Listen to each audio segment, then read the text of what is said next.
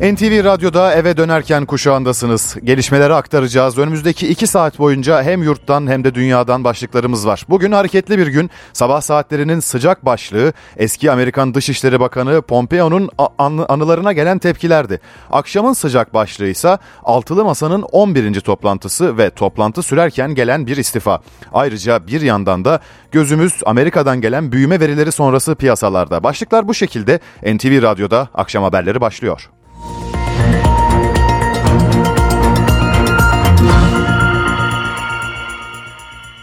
Millet İttifakı cephesinde hareketli bir gün yaşanıyor. Cumhurbaşkanı adayı kim olacak sorusunun yanıt bulması için altılı masa toplantı halinde. Görüşme sürerken sürpriz bir istifa haberi geldi. İstifanın kaynağı İyi Parti. Toplantının ev sahipliğini de İyi Parti yapıyor. Uğraş Bingöl ayrıntılar için telefon attığımızda.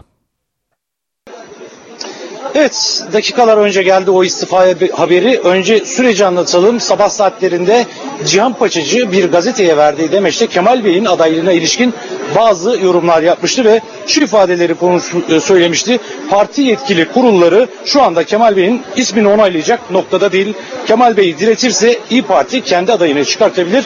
Ayrıca sokağın sesine, milletin sesine adaylık konusunda kulak vermeliyiz ifadelerini kullanmıştı. Bu toplantının hemen başında e, gündeme yansıdı ve altılı masada bir rahatsızlık yarattı. O rahatsızlığın ardından da e, yaklaşık yarım saat önce bu istifa haberi geldi. İstifa bir yazılı açıklamayla bize duyuruldu. E, istifada özellikle şunlar söyleniyor. Ülkemizin ve milletimizin umudu olan Altılı Masa'nın Cumhurbaşkanı adaylık sürecine dair bir gazeteciye verdiğim demecin maksadı aşan yorumlara neden olduğunu görüyorum demokrasiler e, demokrasimize nefes aldıracak bir süreçte büyük emek harcayan Sayın Genel Başkanımızı ve partimizi aynı zamanda altılı masayı oluşturan Sayın Genel Başkanların iradelerini koruyup kollamak amacıyla İyi Parti'deki kurumsular, kurumsal ilişkiler başkanlığı görevinden istifa ediyorum dedi. Bu yazılı açıklamadan e, dakikalar önce e, Cihan Paçacı e, İyi Parti Genel Merkezi'ndeydi ve buradan ayrıldı. E, sorulara yanıt vermedi. Ardından yaklaşık 5 dakika sonra da bu istifa metni e, gazetecilerle paylaşıldı. Evet e, dediğim gibi toplantı altılı masa toplantısı da şu anda devam ediyor. Bu istifanın da e, İyi Parti lideri Meral Akşener'in e, talebi üzerine geldiği de gelen bilgiler arasında. Evet altılı masa toplandı. 11. toplantı gerçekleşiyor. Millet İttifakı'nın adayı kim olacak? Türkiye bu soruyu e, yanıtını merak ediyor e, liderlerde altılı masayı oluşturan liderlerde bu soruya yanıt vermek için e, İyi Parti Genel Merkezi'nde bir araya geldiler. Kritik bir toplantı çünkü ilk kez e, adaylık gündeme geldi. Adaylık üzerinde e, siyasiler şu anda istişare yapıyorlar. E, isimler üzerinde değerlendirmeler yapıyorlar. Ama şunu da söylemekte fayda var. Bugünkü toplantıda herhangi bir e, isim açıklanmayacak. E, buradaki yapılan değerlendirmeler parti genel kurullarında değerlendirilecek ve 12. toplantıda Saadet Partisi sahibinde yapılacak. 12. toplantıda e, o değerlendirmeler, kurmaylarla yapılan değerlendirmeler notlar halinde buraya gelip yeniden bir liderler arası istişare olacak. Ayrıca e, anketler de masada e, olacak ve e, o anketlere göre her siyasi parti kendi adına yaptığı bağımsız anketlerle masada olacak ve süreci işleyecekler. Evet sadece adaylık konusu değil e, 30 Ağustos'ta e, lansman toplantısı yapacak 6, 6 siyasi parti e, bu lansman toplantısında e, birleştirilmiş, güçlendirilmiş parlamenter sisteme e, yönelik yol haritası açıklanacak. Ayrıca ortak mutabakat belgesi de açıklanacak. Evet dediğim gibi altılı masa toplantısı devam ediyor. Saat 12.30'da e, başladı ve daha uzunca e, süreceği de tahmin ediliyor. Az önce bu altılı masanın e, görüşmelerinin gölgesinde bir istifa haberi yaşandı. Cihan Paçacı'nın Kemal Kılıçdaroğlu'na yönelik bir gazeteye verdiği demeç istifa getirdi. Ayrıntıları Ankara'dan Uğraş Bingöl'den aldık. Döviz kurunun istikrar kazanmasında ekonomi yönetiminin önemli hamlelerinden biri olan kur korumalı mevduatla ilgili yeni bir karar alındı. Faiz sınırı kaldırıldı. Bunun ne anlama geldiğini ve Merkez Bankası'nın bugün açıklanan enflasyon raporuna dair verileri NTV Ankara İstihbarat Şefi Ahmet Ergen aktaracak. Kur korumalı mevduat sistemindeki faiz uygulaması ile ilgili bir notu paylaşarak başlayalım kur korumalı mevduat sistemi uygulamaya başlandığında e, hazırlanan yönetmelikle faiz e, oranı belirlendi ve bu yönetmelikte e, yürürlükteki politika faizinin üstüne en fazla 3 puan eklenerek kur korumalı mevduat sistemi ile ilgili faiz oranının belirleneceği ifade ediliyordu. Bunu mevcut e, oranlarla e, somutlaştırmamız gerekirse e, şu anda politika faizi %9 üstüne en fazla 3 puan eklenince bu %12 olarak uygulanabiliyor yönetmelik gereği. E, yine kur korumalı mevduat sistemi başlarken döviz ve altın birikimini Türk lirasına çevirerek kur korumalı mevduat sistemine dahil olanlarla ilgili olarak taraf kurum Merkez Bankası'ydı. E, Türk lirası birikimiyle kur korumalı mevduat sistemine dahil olanlar açısından taraf kurumda Hazine ve Maliye Bakanlığı'ydı. Şimdi Merkez Bankası bugün itibariyle bankalara gönderdiği bir tebliğ ile kendi taraf olduğu kur korumalı mevduat e, sistemi uygulamasında e, faiz üst sınırını kaldırıldı, kaldırdı. Bu şu anlama geliyor. E, elindeki döviz ve altınını Türk lirasına çevirerek sisteme dahil olanlar için bir e, faiz tavanı yok. Yani biraz önce somutladığımız %12'lik politika faizi artı 3 puan e, uygulaması bunlar için geçerli değil.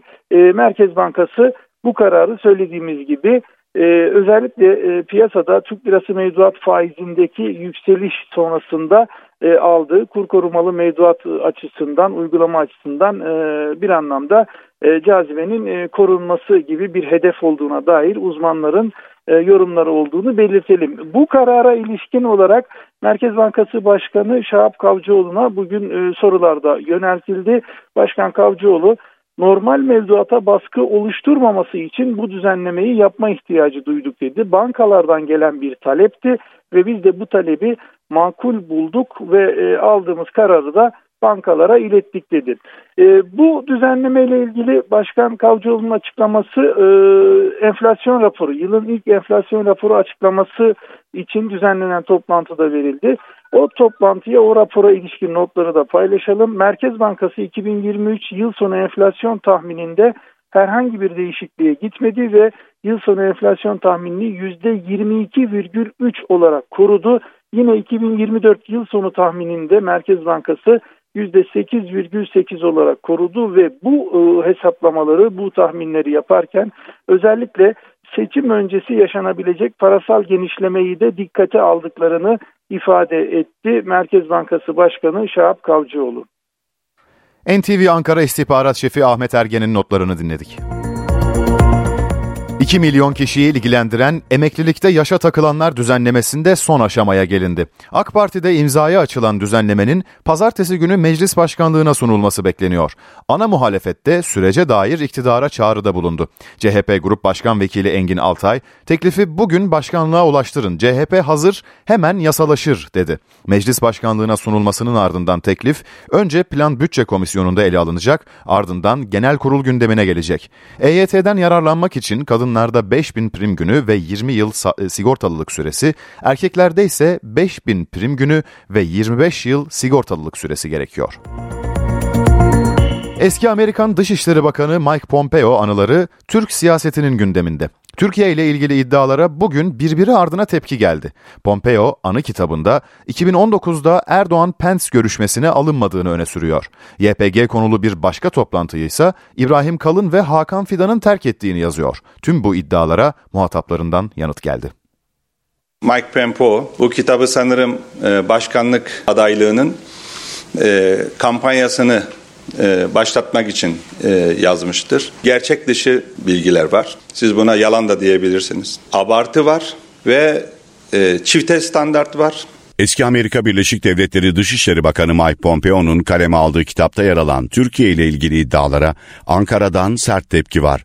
Pompeo kitabında Türk Silahlı Kuvvetleri'nin DAEŞ'i yenme kapasitesi olmadığını savundu. Türk ordusunun DAEŞ'i yenme kapasitesinin e, olmadığını gördük demesi e, ibretlik. DAEŞ'e karşı göğüs göğüse mücadele eden tek ordu NATO ordusu e, Türk ordusudur.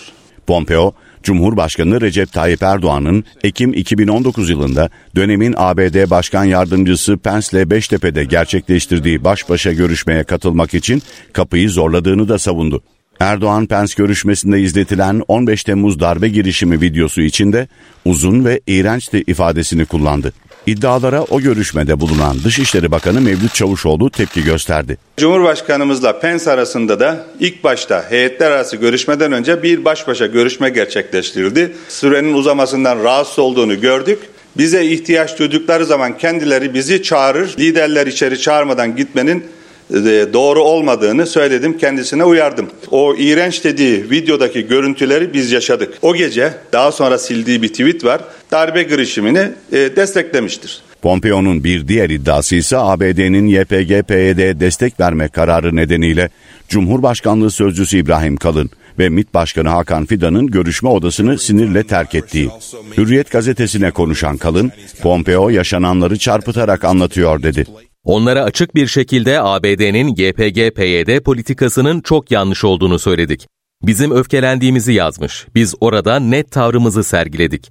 Öfke dediği şey net tavrımızdı. ABD, Rusya ve İran'a karşı ellerinin altında bir güç olsun istedi. Pompeo'nun Yunanistan'la ilişkileri geliştirmekten gurur duyduğuna ilişkin sözlerini de değerlendiren Kalın, Amerikan yönetiminin Yunan tarafını tuttuğunu biliyorduk. Bunu itiraf etmiş ve kayda geçirmiş oldu dedi. Anayasa Mahkemesi HDP'nin kapatılması davasında süreç seçim sonrasına bırakılsın talebini reddetti. Yüksek Mahkeme kararı oy birliğiyle aldı. Partinin hazine hesaplarına bloke konulmasına ilişkin karara karşı savunmasını hazırlaması için 2 aylık ek süre isteği ise 15 gün olarak kabul edildi. Eski Ülke Ocakları Genel Başkanı Sinan Ateş'in öldürülmesine ilişkin soruşturmada tutuklu sayısı 17'ye yükseldi. Cinayete dair Milliyetçi Hareket Partisi'nden de yeni bir açıklama geldi. Eski Ülke Ocakları Genel Başkanı Sinan Ateş'in öldürülmesine ilişkin soruşturmada iki kişi daha tutuklandı.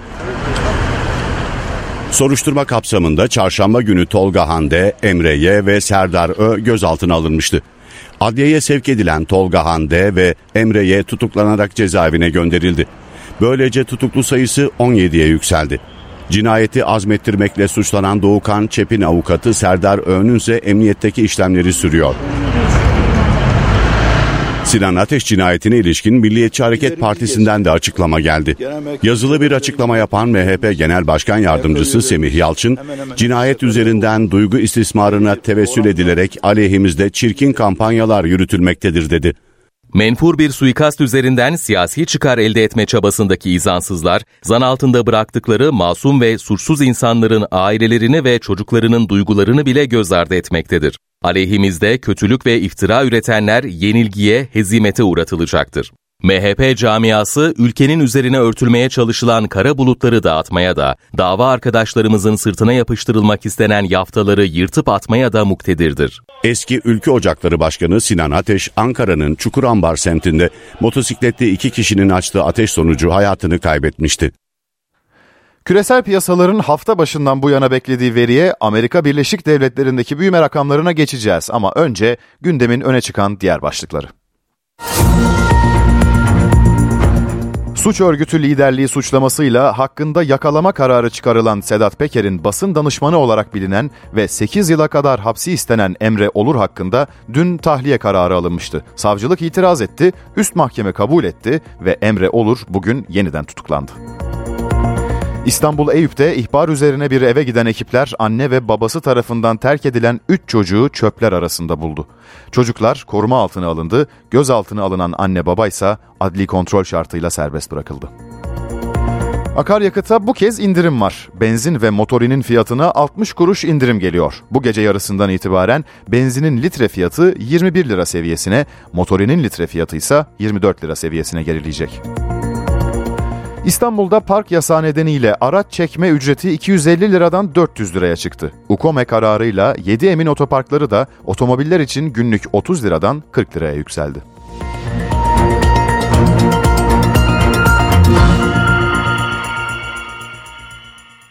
Küresel piyasalar için önemli veri yaklaşık 45 dakika önce geldi. Amerikan ekonomisi %2.9 büyüdü. Beklentiler büyüme oranının %2.6 olacağı yönündeydi. Peki bu veri Amerikan Merkez Bankası Fed'in faiz politikasını ve tabii ki dünyayı nasıl etkileyecek? Yatırım uzmanı Alper Nergiz, NTV'de Melda Yücel'in sorularını yanıtlıyor. Ortak yayında dinliyoruz.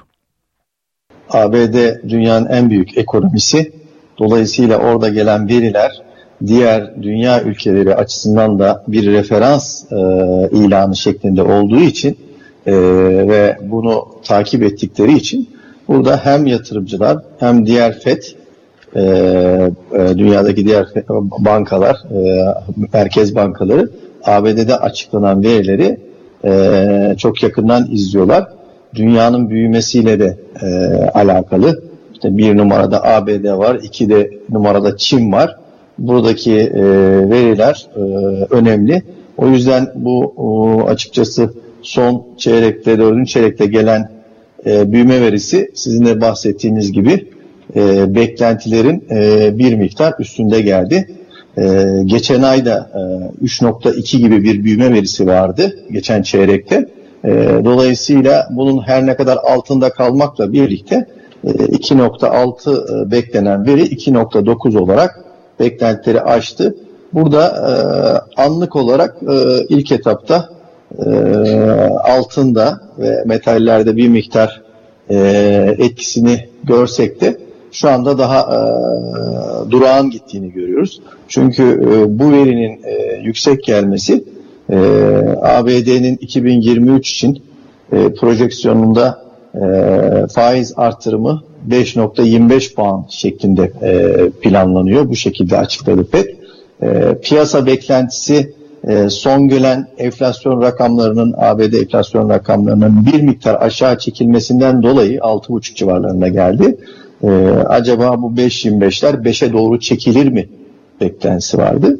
Fakat bu büyüme verileri e, Fed'in e, bu şekilde henüz e, bir pozisyonda bir değişikliğe gitmeyeceğini e, 1 Şubat'ta toplantı var. Evet. E, muhtemelen 25 bas puan e, artış bekleniyor. Mart ayında var. Orada da 25 bas puan artış bekleniyor.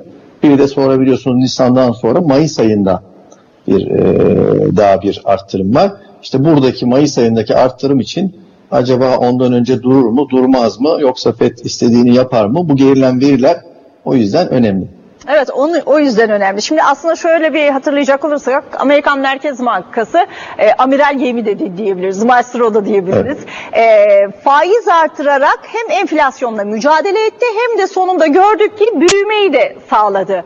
E, buradan söylediğiniz aslında elini daha rahatlattı diyebiliriz değil mi faiz artışı için? Aynı politikayla devam edecek. Bizim gibi gelişen ülkeleri o zaman bu durum nasıl etkileyecek? Evet, elini e, rahatlattı. Şöyle, çünkü bir de biliyorsunuz resesyon beklentileri çok fazla dillendiriliyor. Özellikle e, ekonomistler tarafından. E, bu onları da bir miktar öteleyecek bir veri. E, dolayısıyla e, ABD e, şu son veriyle e, yoluna devam edecekmiş gibi gözüküyor. Tabii e, bu o, gelişmekte olan ülkeler için bir anlık olarak e, Dolarda da çok ufak da olsa e, dolar endeksinde bir e, hareket gördük ama 101'lere kadar çekildi. Çok büyük bir hareket görmüyoruz e, önümüzdeki dönemde de. Fakat ABD'nin faizleri arttırmaya devam etmesi eskiden olduğu gibi hani sıfır faiz politikası bittiği için tabii ki gelişmekte olan ülkeleri de bir miktar zorlayacaktır önümüzdeki dönemde istedikleri oranda faizlerden piyasadan para bulmaları açısından diyelim. Evet bu faiz artı süreci başlayınca şöyle bir tabir kullanmıştık hep. Para ana vatanına mı dönecek? Yani dolar ana vatanına mı dönecek diye. O süreç hızlanacak mı? Bir onu sormuş olayım. Siz de söylediniz. Bir dolar endeksindeki hareketi gördük başta veriyle birlikte. Tekrar euro dolar paritesi 1.09'ları gördü. E, şunu evet. sormak istiyorum. Kısa ve uzun vadede doları ne kadar değerlendirebilir bu süreç? Bu faiz artışının devam edecek olması satır arasında kalmasın biraz daha açalım orayı. Yani çok fazla beklemesek de Melda Hanım. Ee, evet bu gelen veriler e, anlık etkisini gösteriyor ama tabii bunlar zamana yayıldığı zaman e, bu çerçevede devam ediyor. Tabii sadece bu veriyle e, değerlendirirsek e, belki şey olur, e, çok doğru olmaz ama asıl e, enflasyon rakamları da önemli. Ee, yine Avrupa Merkez Bankası'nın da 50'şer bas puan arttırma beklentisi var. Ee, 2 Şubat'ta onun da toplantısı var Fed'in bir gün sonrasında. Ee, orada da enflasyon işte 9 civarlarında. Ee, dünyada da 6,5. İşte gördüğümüz zaman bugün e, bizim Merkez Bankası'nda sunum vardı. Orada da belirtildiği gibi bu petrol fiyatlarının e, 100 doların üstlerinden 80 dolarlara gelmiş olması e, e, Çin'in tekrardan e, açılım e, başlamış olması e, arz yönünde enflasyonu en azından önümüzdeki dönemde daha dengelemesi bekleniyor. En azından yükseliş hızının azaltması bekleniyor. Bizde de bu yıl için e, enflasyon beklentilerinde e, bir miktar e, hem analist beklentilerinde hem ekonomistlerde düşüş görüyoruz. Daha bir miktar e, iniş görüyoruz geçen yıla göre oranla. E, umuyoruz ki böyle olur. E, dolayısıyla e, Amerika'daki gelen veriler başta da belirttik. Evet. E, hem dünyada hem bizde etki ediyor. Ee, özellikle bu sene altın mesela e, Evet altını soracağım ben de. Kısa da o sonu evet. da söyleyelim Alper Bey. Yani altında bu yıl aslında hani beklentinin üzerinde bir performansla başladığını gördük. Özellikle içeride de borsa yatırımcısı acaba altına gidiyor mu diye de kapalı çarşıya da pek çok kez sorduk. Ne dersiniz altın ons ve haliyle dolar TL çarpanıyla e, gram için beklenti şimdi değişti mi? Altının yönü ne olur? Şöyle söyleyelim. E, altın için e, bu sene ons altında e, bir yükseliş e, izlenimi izledik yılbaşından bu yana. E, dolayısıyla e, altın yatırımcılarının e, yeni yılla birlikte e, yüzlerinin bir miktar güldüğünü görüyoruz. E, bu yıl için altınla ilgili beklentimiz açıkçası daha pozitif. E, yükseliş yönünde ama ilk çeyrek için e, belki bu çok e, beklentileri e, altın yatırımcıları için gerçekleşmeyebilir. Niye? E, Fed'in Şubat ve Mart ayında faiz arttırımları şu anki öngörülerle değişmeyeceği için e, 4,5 olan faizi 25-25-5'e çıkartacağı için e, dengeli bir e, iniş çıkış olacaktır paritede. Ama eğer ki e, hem enflasyon verilerinde Amerika'da hem büyüme verilerinde e, olumlu şekilde devam ederse o beş, son beklediği Fed'in 5.25 ki o Mayıs ayında yapacak eğer 5'te kalırsa bu sefer 2023 yılında acaba Fed son çeyrekte mi yoksa 2024'de mi bırakacak bu faiz indirimini tekrar indirimlere ne zaman başlayacak evet. konuşulmaya başlanacaktır. Bu da altında e, ikinci ve üçüncü çeyrekten sonra pozitif yönde e, bir etkisini göstermesini bekleyebilir. Belki son olarak e, kripto paradalarda ciddi bir gerileme vardı. Bu da e, küreselde altına biraz yönelmeyi sağladı. Ama son e, bir iki haftadır yine kripto paralarda da bir hareket var.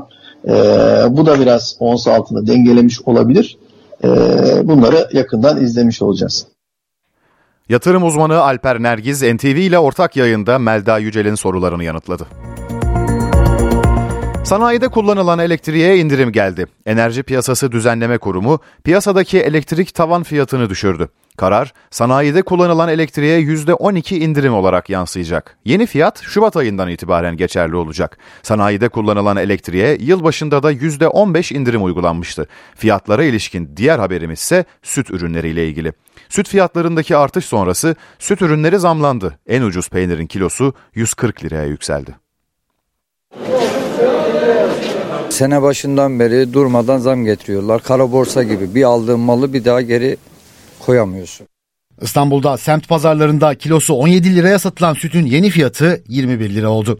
Yani serbest piyasada süte %20'nin üzerinde zam yapıldı. Ülkede bir süt yokluğu var. İnsanlar maliyetinin altına ürün satmak istemediği için ineklerini kestirdiler. İnekler kesildiği için haliyle ülkede bir süt açığı oldu. Ondan dolayı bir süte de bir zam geldi. Ulusal Süt Konseyi en son Ekim ayında sütün litre fiyatını 8,5 lira olarak belirledi. Ama piyasada bu rakamın üzerinde satılıyor. Bazı üreticiler artan maliyetleri karşılamayınca inekleri kesime gönderdi. Üretilen süt miktarı azalınca da fiyatlar arttı. Süte yapılan zam peynir fiyatlarını da olumsuz etkiledi. Raflardaki ürünlerin etiketleri değişti. Süte gelen zamdan dolayı illaki peynir fiyatlarına da bir yansıma oldu. Kaşar grubunda hızlı üretilip ve piyasaya hızlı süren ürünlerde illaki bir zam geçişi oldu. Kaçtı kaç oldu? Yani yüzde bir 15'lik bir fark oldu. 65-70 en uygun peynirdi. Şu anda Geçen sene. Evet. Şu anda en uygun peynir 140 lira. Vatandaş zamlardan şikayetçi. Fark etmememizin imkanı var mı? Önceden her hafta hani beşer beşer alıyorduk. Şimdi artık aralıklarla böyle ara vere vere almaya başladık. Yani çok pahalı bütçemizi baya baya zorluyor. NTV Radyo İstanbul Küçükçekmece'deki bir binada geçen ay çıkan yangında mahsur kalan 15 yaşındaki çocuk yaşam mücadelesini kaybetti. Geride üvey babasının istemediği bir kızın hikayesi ve cinayet şüphesi kaldı.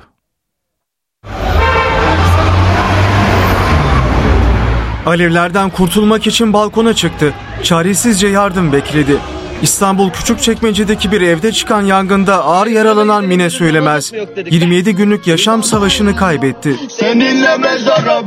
Henüz 15 yaşındaydı. Anneanne Mine Arslanoğlu torununun üvey babası nedeniyle evi terk ettiğini, bir arkadaşının dairesine yerleştiğini anlattı. Doğduğundan beri bu çocukları ben büyütüyorum. Annesine gönderdim buraya iki ay evvelsi. Evden de işte üvey baba tarafından istenmemiş. Kız arkadaşına sığınıyor. Bir erkek arkadaşına sığınıyor. Üç tane de çocuk varmış evin içinde o erkek arkadaşının ablasının. Evde bir yangın çıkıyor. Herkes kurtulur kana benim kızım oradan hani ölü çıkıyor. Mine Söylemez'in yanına yerleştiği kişi kendini Şahin Çakır ismiyle tanıttı. Ancak üç çocuk babası adamın Suriye uyruklu Şerife olduğu belirlendi. Yangının başlamasıyla 3 kişi evden kaçtı. Mine Söylemez Şerif E'nin bebeğiyle mahsur kaldı. Mine Söylemez 7 aylık bebeğin hayatını kurtarmayı başardı. Vatandaşların battaniye açtığını gördü. Önce bebeği battaniyeye attı, daha sonra kendisi atladı. Bebeğin durumu iyiydi. 15 yaşındaki kız dumandan etkilenmişti. Bir aya yakın süre yoğun bakımda kaldı ancak yaşamını yitirdi. Siz kaçarken dedim benim çocuğum dedim. Neden kapıya koşup da dedim gitme dedim sizle bir. Neden balkona yöneldi dedim. Benim kızım nasıl kapıya kaçamamış? Balkondan alev alev çıkıyor. Çocuğum çok çaresiz bırakmışlar benim içeride çocuğumu. Mine Söylemez'in ölümünü şüpheli bulan aile suç duyurusunda bulundu. Türk lirasına fotoğrafı basılan ilk kadın Sabiha Tansu 88 yaşında İzmir'de yaşamını yitirdi. Etnolog olan Sabiha Tansu hayatını Anadolu kültürünü dünyaya tanıtmaya adamıştı. Cumhuriyet tarihinde paraya fotoğrafı basılan ilk kadındı. Ankara gelin başlığıyla 1971 yılında basılan 50 kuruşların üzerinde yer aldı. Sabiha Tansu 88 yaşında İzmir'de hayatını kaybetti. Etnolog ve koleksiyoner Sabiha Tansu 1935 yılında Yunanistan'da doğdu. Ailesiyle birlikte İzmir Akisar'a geldi. Annesinin diktiği eğribaş gelin başlığını çok sevdi ve gelin başlıklarının peşine düştü. Anadolu'yu karış karış dolaştı, gelenekleri öğrendi. Kadın başlıklarını topladı ve İstanbul'da bir sergi açtı. Anadolu'dan 40 Anadolu kadın başlığını toplayıp sergi açtım ve hadise oldu. Çünkü görülmemiş bir şey. Kadınlara ait başlıklar. Darphane müdürü bakıyor. Biz diyor yeni 50 kuruşlar üzerine bir desen düşünüyorduk. Bu sergiyi yapan kadını ebedileştirelim diyor. İzmir 9 Eylül Üniversitesi Tıp Fakültesi Hastanesi'nde yaşamını yitiren Sabiha Tansu, Bademler Köyü mezarlığında toprağa verildi. Cenaze törenine ailesi ve sevenleri katıldı. Sabiha Tansu, hayatını dünyanın dört bir yanında Anadolu kültürünü tanıtmaya adamış, birçok ülkede sergiler düzenlemişti. Tansu, 2019'da NTV'ye verdiği röportajda hayat öyküsünü anlatmıştı. Pazardayım. Köylü bir kadın geldi. Paraların üzerindeki kadın bu dedi. Yegane ses oradan geldi. Ama nasıl gördü o? Sonra bizi evine davet etti. Yani nasıl bir yorum bakmış ki o paraya beynine yerleştirmiş. Tansu'nun sahip olduğu Anadolu kültürünü anlatan koleksiyonu Haziran ayında İzmir Bademler Köyü'nde açılacak müzede sergilenecek. Batılı ülkelerin tank gönderme kararının hemen ertesinde Rusya, Ukrayna'nın başkenti Kiev'i füzelerle vurdu. Belediye başkanı hava savunma sistemlerinin devreye girdiğini, saldırıda bir kişinin öldüğünü duyurdu. Rusya'nın sık sık hedef aldığı bir diğer kent ise Odessa. Ancak UNESCO'dan gelen bir haber Odessa'ya saldırıları önleyebilir. Kent, Dünya Kültür Mirası listesine alındı. Moskova kararı kınadı. UNESCO Genel Direktörü Udre Azuley, savaş sürerken bu statü kenti daha fazla yıkımdan koruma kararlılığımızı somutlaştırıyor diye konuştu. Ayrıca kararın Rusya dahil komitenin tüm üyelerine dünya mirası alanına kasıtlı yıkıma yol açmama yükümlülüğü getirdiği söylendi. Geçen yıl Ekim ayında Odessa'nın dünya mirası listesine alınmasını talep eden Ukrayna lideri Volodymyr Zelenski kararı memnuniyetle karşıladı. İncimizi Rus işgalcilerin saldırılarından korumaya yardımcı olan ortaklarımıza minnettarım dedi. Karadeniz'in incisi olarak bilinen Odessa, işgalin başından bu yana birçok kez bombalandı. İşgalin başında Ukraynalılar kentin anıt ve binalarını kum torbaları ve barikatlarla korumaya çalışmıştı. Tetanos sinir sistemini etkileyen, kasılmalara yol açan, %50 ölüm tehlikesi bulunan bir hastalık. Sıradaki haber NTV Radyo'da hiç unutmam programına konu, konu olan bir hikayeden. Amerikalı bir kadının İstanbul'da rahatsızlanması sonrası enfeksiyon hastalıkları uzmanı Profesör Önder Ergönül tetanostan şüphelendi. Meslektaşları bunu göz ardı etse de o bulgusunda ısrar etti. Neticede haklı çıktı. Bulaşın kaynağı hastanın toprakla temas eden papağanıydı. Uluslararası saygın tıp dergisi Lancet'ta vakayı anlatan Ergönül, her 5 senede bir tetanos aşısı yaptırılması gerektiğini söyledi. Evet, tetanos şimdi spor yapan dediğimiz yani toprakta canlı olarak kalabilen bir bakteri çok uzun süre canlı kalabiliyor. Dolayısıyla toprağa temas eden kimselerde yani çiftçilik işleriyle uğraşanlarda ya da emekli olup bir takım hobi bahçeciliği yapan efendim tarla, bağ, bahçeyle uğraşan insanlarda olabilir. Yaş arttıkça kandaki koruyucu antikor düzeyi de azalır. Azaldığı zaman kişinin tetanoz olma ihtimali daha da yükselir. Dolayısıyla daha yaşlılarda görülür aslında. 50 yaşın üstünde, 60 yaşın üstünde bizim ülkemizde de tetanosa karşı koruyucu antikorlar ciddi anlamda azalıyor. Örneğin çıkaracağımız sonuçlardan birisi bağ bahçe işleri yapan, toprakla temas eden kimselere eğer aşılarını yapmamışlarsa dikkatli olmalarını öneririz. Ülkemizde halen görülüyor. Kırsal bölgelerde özellikle görülüyor. Tabii aşıların olmasıyla büyük ölçüde kontrol altına alındı tetanos ama hiç beklenmedik. Bu şekilde belli bir yaşın üstünde özellikle diyabeti olanlarda, ilaç kullananlarda yani damar içi ilaç kullanan kimselerde görülme ihtimali daha yüksektir. Trafik kazaları çok hı hı. iyi bir örnektir. İlla ki paslı çivi akılda kalır ama paslı çivi olması şart değil. Hı hı. Trafik kazalarında ne oluyor? Kişiler işte toz toprakla bulanıyorlar. Yani toz toprak teması çok esastır. Bir cam da olabilir ama toprağa temas etmesi kritiktir. Toprakla temas olan her şeyde söz konusu olabilir. Mümkün olduğunca erken müdahale etmek gerekir. Eğer müdahale edilmezse %50 ölüm vardır neredeyse. %40-50. Biz şimdi genelde risk faktörü olduğu zaman aşıyı tetanoz aşısını aklımıza getiriyoruz ama normalde herhangi bir riskle karşılaşmadan da aşıyı ne tabii, zaman tabii. ne sıklıkla beş yaptırmamız bir. gerekir? Tabii 5 yılda bir. 5 yılda bir olunması gerekiyor. Herkesin 5 yılda bir yaptırması gerekiyor ölünceye kadar. Hatırlatalım hiç unutmam programının tamamını NTV Radyo.com.tr ve NTV Radyo Podcast platformlarından ta- e, takip edebilirsiniz ve dinleyebilirsiniz. Müge Naoko Gönül 5895 metre yüksekliğiyle Afrika'nın en yüksek dağı olan Kilimanjaro'nun zirvesine çıktı. Müge'nin zirve tırmanışıyla 6 kız çocuğunun 4 yıllık eğitim masrafları karşılanacak. Müge Nako Gönül 6 günde Afrika kıtasının en yüksek zirvesi Kilimanjaro'ya tırmandı. Bu tırmanışın sebebi ise kızların eğitimine destek olmaktı. Müge Nako Gönül'ün zirveye çıkmasıyla 6 kız çocuğunun eğitim masraflarını karşılayacak kadar bağış toplandı. Öncelikle ben eski bir TEV üstün başarı bursiyeriyim. Ben bu sefer TEV'e nasıl destek olabilirim diye özellikle iş hayatına girdikten sonra çalıştığım görevlerde, işlerde de bunun için neler yapabileceğimi çok düşündüm. Kilimanjaro'nun zirvesi Uhuru tepesi oluyor. Ee, burası benim 3 senedir yaklaşık hayalimde olan bir zirveydi. Afrika'nın da en büyük zirvesi. Yani siz böyle ta- Kenya'dan, Tanzanya'dan bu zirveyi görebiliyorsunuz. 30 yaşındaki Müge Naaka Gönül'ün babası Türk, annesi Japon. İstanbul'da bir finans teknolojisi şirketinde çalışıyor. Zorlu tırmanışından önce eğitimli kızlar için zirveye attı bir fon oluşturdu. Peki neler yaşadınız? Zorluklar var mıydı? Tek başıma bir kadın olarak ve özellikle Kenya ve Tanzanya gibi hiç bilmediğim, bana çok yabancı ülkelerde başladığı için çok gergindim açıkçası. Sonrasında Tanzanya'ya vardıktan sonra oradaki ekiple tanışmak, orada dünyanın her yerinden hep böyle bir hayallerine gerçekleştirmek için gelen insanlarla tanışmak beni çok motive etti. Kilimanjaro'da dört mevsimi beraber görüyorsunuz. Planlayın ama hiçbir zaman belli olmaz dedikleri bir dağ. O yüzden de sürekli böyle dört mevsimi yaşadığım aslında bir yolculuğa çıktım.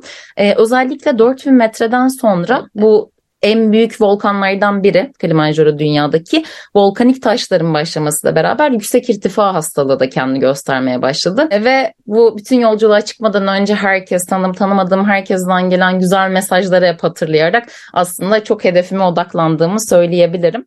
Gönül'ün amacı açılan fonun devamını sağlayabilmek.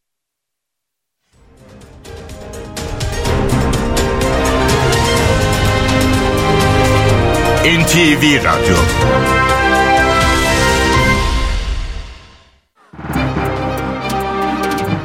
Borsa İstanbul Ulusal Yüz Endeksi 5307 seviyesinden işlem görüyor. Dolar 18.81, Euro 20.50 seviyesinde. Euro dolar paritesi 1.09, ons altın 1935 dolarda. Kapalı çarşıda gram altın 1170 liradan satılıyor, çeyrek altınsa 1933 liradan alıcı buluyor. Brent petrolün varil fiyatı 87 dolar. İstanbul'da trafik yoğunluğu %72 seviyesinde. Tem Mahmut Bey ve Basın Ekspres hattındaki yoğunluk her dakika artıyor. Diğer yakada Tem Ataşehir Dudullu bölgesi aile sıkışık. 15 Temmuz Şehitler Köprüsü için Avrupa'da Büyükdere Caddesi yoğun. Anadolu'da ise Altunizade'de birikme var. Fatih Sultan Mehmet Köprüsü için hastalığın gerisinden başlayan trafik karşı yakaya kadar uzanıyor. Anadolu'dan geçişlerde bu dakikalarda bir yoğunluk yok. Yolda olanlara güvenli yolculuklar. NTV Radyo'da haber saatindeyiz. Gelişmeleri aktarmaya devam ediyoruz. Emeklilikte yaşa takılanlar düzenlemesinin en geç pazartesi günü meclis başkanlığına sunulması bekleniyor. Ana muhalefetse sürecin hızlandırılmasından yana. Milyonlarca kişinin uzun zamandır beklediği emeklilikte yaşa takılanlarla ilgili yasa teklifinde sona gelindi.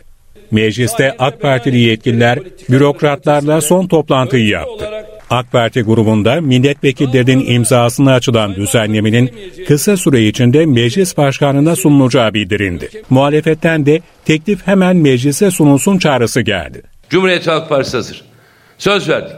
Kem küm yok, orası burası yok. Vatandaşın aleyhine bir şey yoksa, EYT'nin aleyhine bir şey yoksa bu teklifin mecliste bir saat komisyonda bir saat genel kurulda işi var.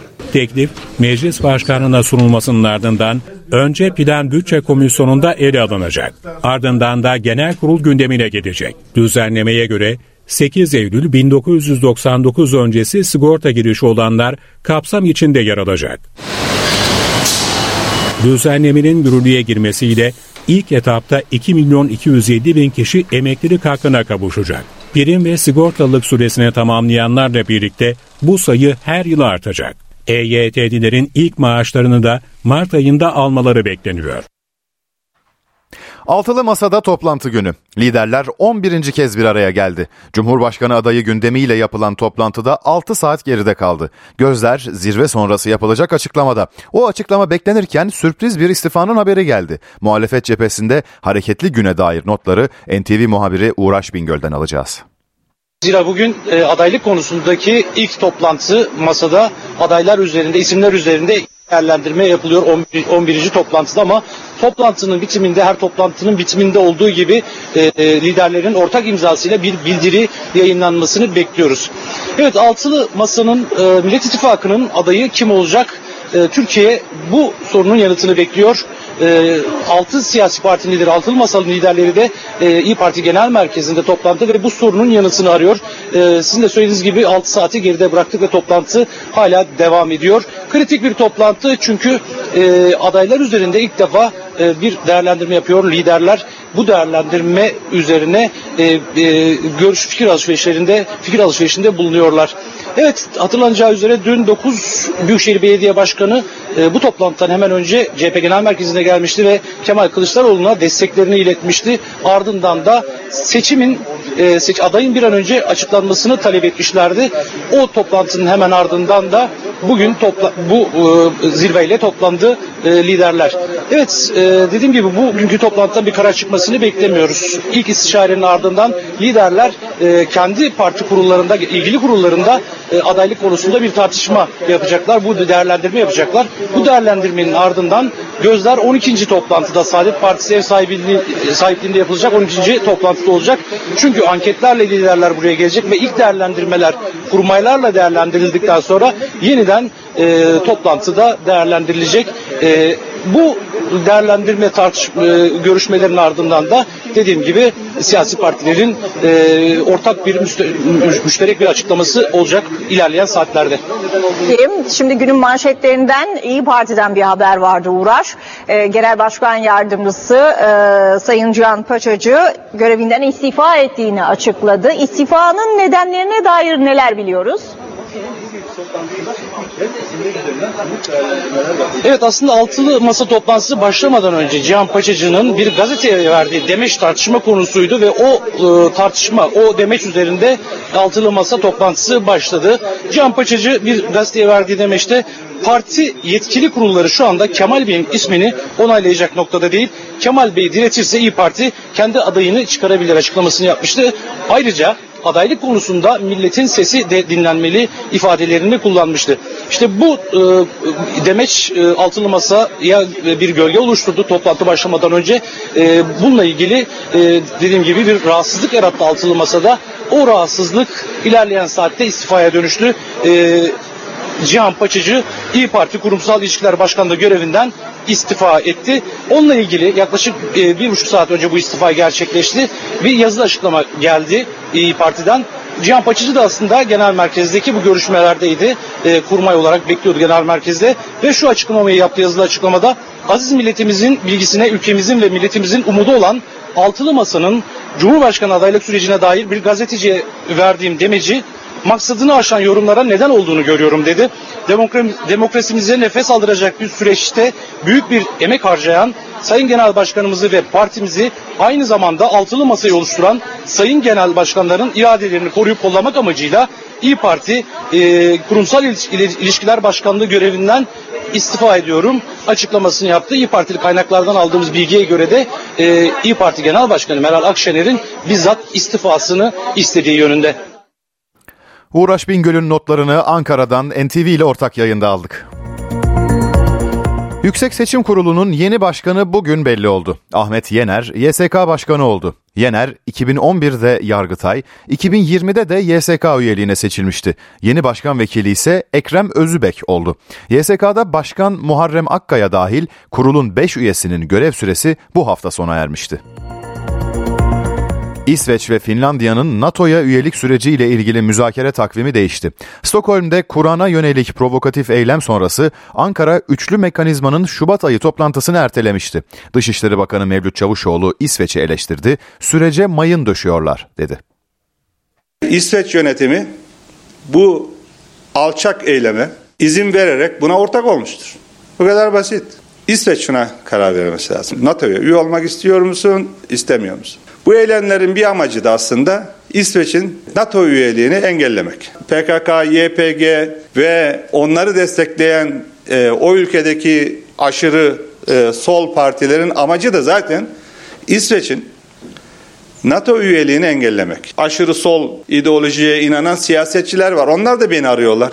Engelleyin bizim ülkelerimizin NATO üyeliğini diyorlar. Aynı şey. PKK ile zaten işbirliği yapıyor onlar. Üyelik sürecine mayınlar düşüyorlar bunlar. Bu mayınları temizleyerek yolunda ilerlemek de o mayınların üzerine basarak kendisini patlatmak da İsveç'in elinde. Şimdi bu ortamda e, üçlü toplantının e, bir anlamı olmaz. İsveç'in e, bu ahitnameyi uygulama konusunda da e, ciddi bir adım atmadığını da görüyoruz. İsveç ve Finlandiya'nın üyelik süreçlerinin ayrılması yönünde bize resmi bir teklif gelmedi. Bize böyle bir başvuru olmadığı için e, ayrıca değerlendiririz, değerlendirmeyiz gibi bir yorumda bulunmak e, çok e, doğru olmaz. Emlak sektöründe taşınma hareketliliği var. Sektör temsilcileri bu durumu yüksek aidatlara bağlıyor. Kirayla yarışan aidatlar taşınma nedenlerinden biri haline geldi. Ocak ayı ile birlikte sitelerde aidatlar yeniden belirlendi. Pek çok sitede aidat zammı birkaç katı buldu. Buna karşı protesto gösterileri düzenlendi. Merkezi semtlerde ya da lüks sitelerde oturanlar çözümü semt ya da konut değiştirmekte aramaya başladı. Çok önemli bir kriteri var ki hane halklarının %46.4'ü aslında asansörü bulunan 3 veya daha çok katlı binalarda oturuyor. Bu e, aidatlardaki artış e, barınma amacıyla bu tür yapılarda özellikle toplu yapılardaki yaşamı önemli derecede etkiliyor. O nedenle belki de müstakil e, yani büyük e, sitelerden daha ziyade farklı yaşam alanlarına da talep olabilir. Uzmanlara göre yüksek aidatlar nedeniyle taşınmak isteyenler şehrin dış kısımlarını tercih ediyor. Çünkü hem kira hem taşınma giderleri de ciddi oranda yükseldi. Tabii önemli bir problemimiz var ki sınırlı bir arzımız var ve bu sınırlı arz nedeniyle de e, aslında değişim maliyetleri ya da taşınma maliyetleri gibi maliyetlerde çok yüksek bir oranda tüketicinin karşısında. Yeni bir çöp ev vakası. Bursa'nın ardından bu kez İstanbul Eyüp'te çöpler arasında yalnız başına 3 çocuk bulundu. Anne baba bir süre gözaltında tutulduktan sonra serbest bırakıldı. Apartman sakinleri daireden kötü kokular geldiği ve evde yalnız kalan çocukların olduğu iddiasıyla yetkililere ihbarda bulundu. Polis ekipleri kontrol için Aile ve Sosyal Hizmetler İl Müdürlüğü ekipleriyle birlikte daireye gitti. Alt kattaki komşular evin halini gördük zaten. Çöp gibi yani evin içi çöp gibi. Her yeri çöple kaplı dairede 7, 4 ve 3 yaşında 3 çocuk bulundu. Çocukların kıyafetlerinin olmadığı ve uzun süredir aç kaldıkları tespit edildi. Çocuklar Sultan Gazi Haseki Eğitim ve Araştırma Hastanesi'ne götürüldü. Sağlık durumları iyi olan çocuklar Aile ve Sosyal Hizmetler İl Müdürlüğü'nce koruma altına alındı. Çocukların annesi Merve Sey'nin yaklaşık bir ay önce evi terk ettiği öğrenildi. Baba Ahmet Sey'nin ise eve zaman zaman uğradığı tespit edildi. Polisin gözaltına aldığı anne baba adliyeye sevk edildi. Merve ve Ahmet ise gazetecilerin sorularına tepki gösterdi. Bir şey söyleyecek misiniz? Evde çocuklar neden çıplaktı? Habercilere karşı benim saygım var.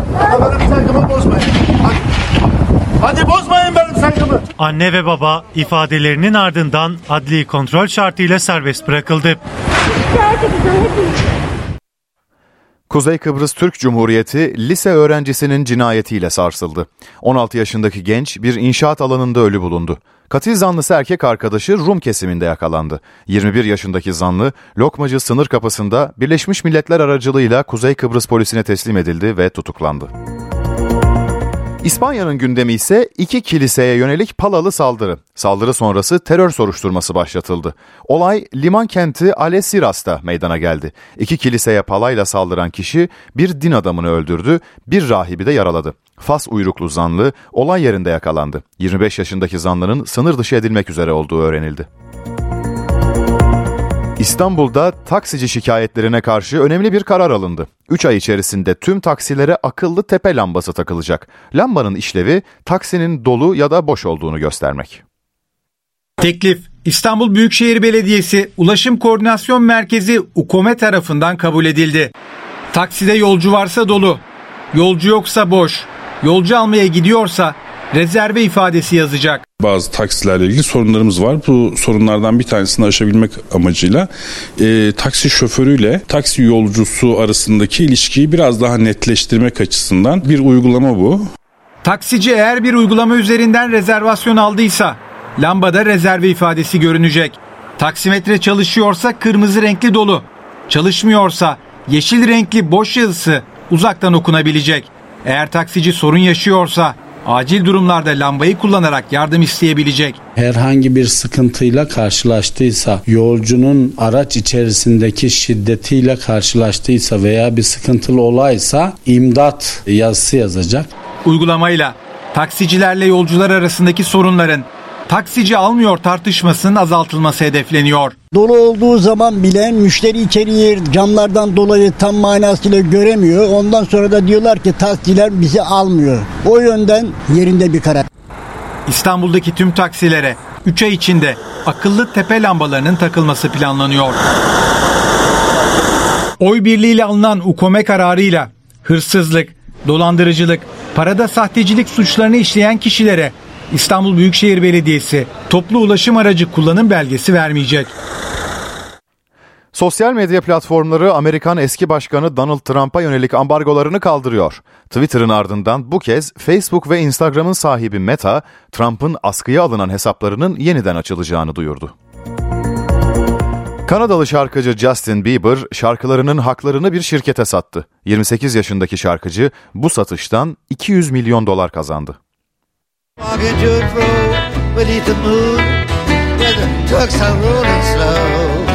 Bob Dylan'dan Shakira'ya, Bruce Springsteen'den Justin Timberlake'e müzik dünyasının yıldızları birer birer tüm şarkılarının haklarını edisyon şirketlerine satmaya devam ediyor.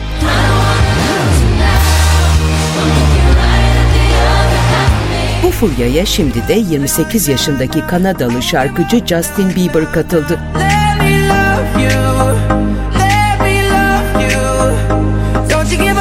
Bieber, 31 Aralık 2021 öncesi kaydedilen tüm şarkılarının müzik haklarını 200 milyon dolara sattı.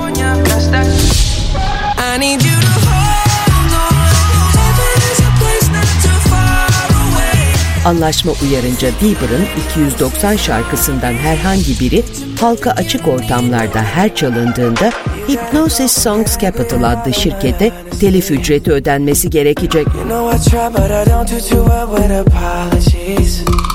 Bu şarkılar arasında Bieber'ın en çok dinlenen Baby ve Sorry gibi hitleri de bulunuyor.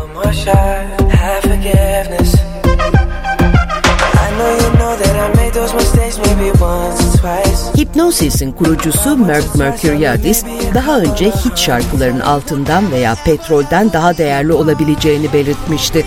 Son anlaşmayı açıklarkense Justin Bieber'ın son 14 yılda küresel kültür üzerindeki etkisi gerçekten dikkate değerdi açıklamasında bulundu.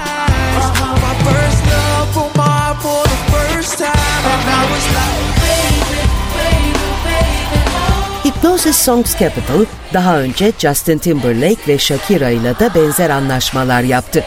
Timberlake'e yaklaşık 100 milyon dolar ödenirken Shakira'ya ödenen ücret ise açıklanmadı.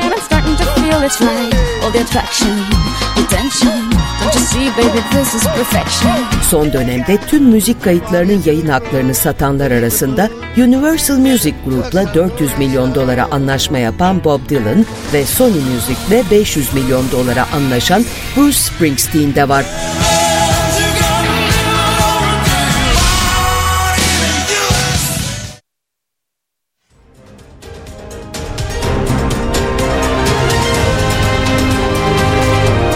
NTV Radyo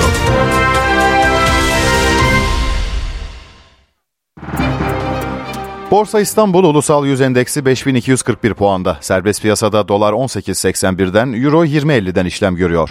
Euro dolar paritesi 1.08, ons altın 1934 dolarda. Kapalı çarşıda gram altın 1169 liradan, çeyrek altınsa 1932 liradan satılıyor. Brent petrolün varil fiyatı 86 dolar.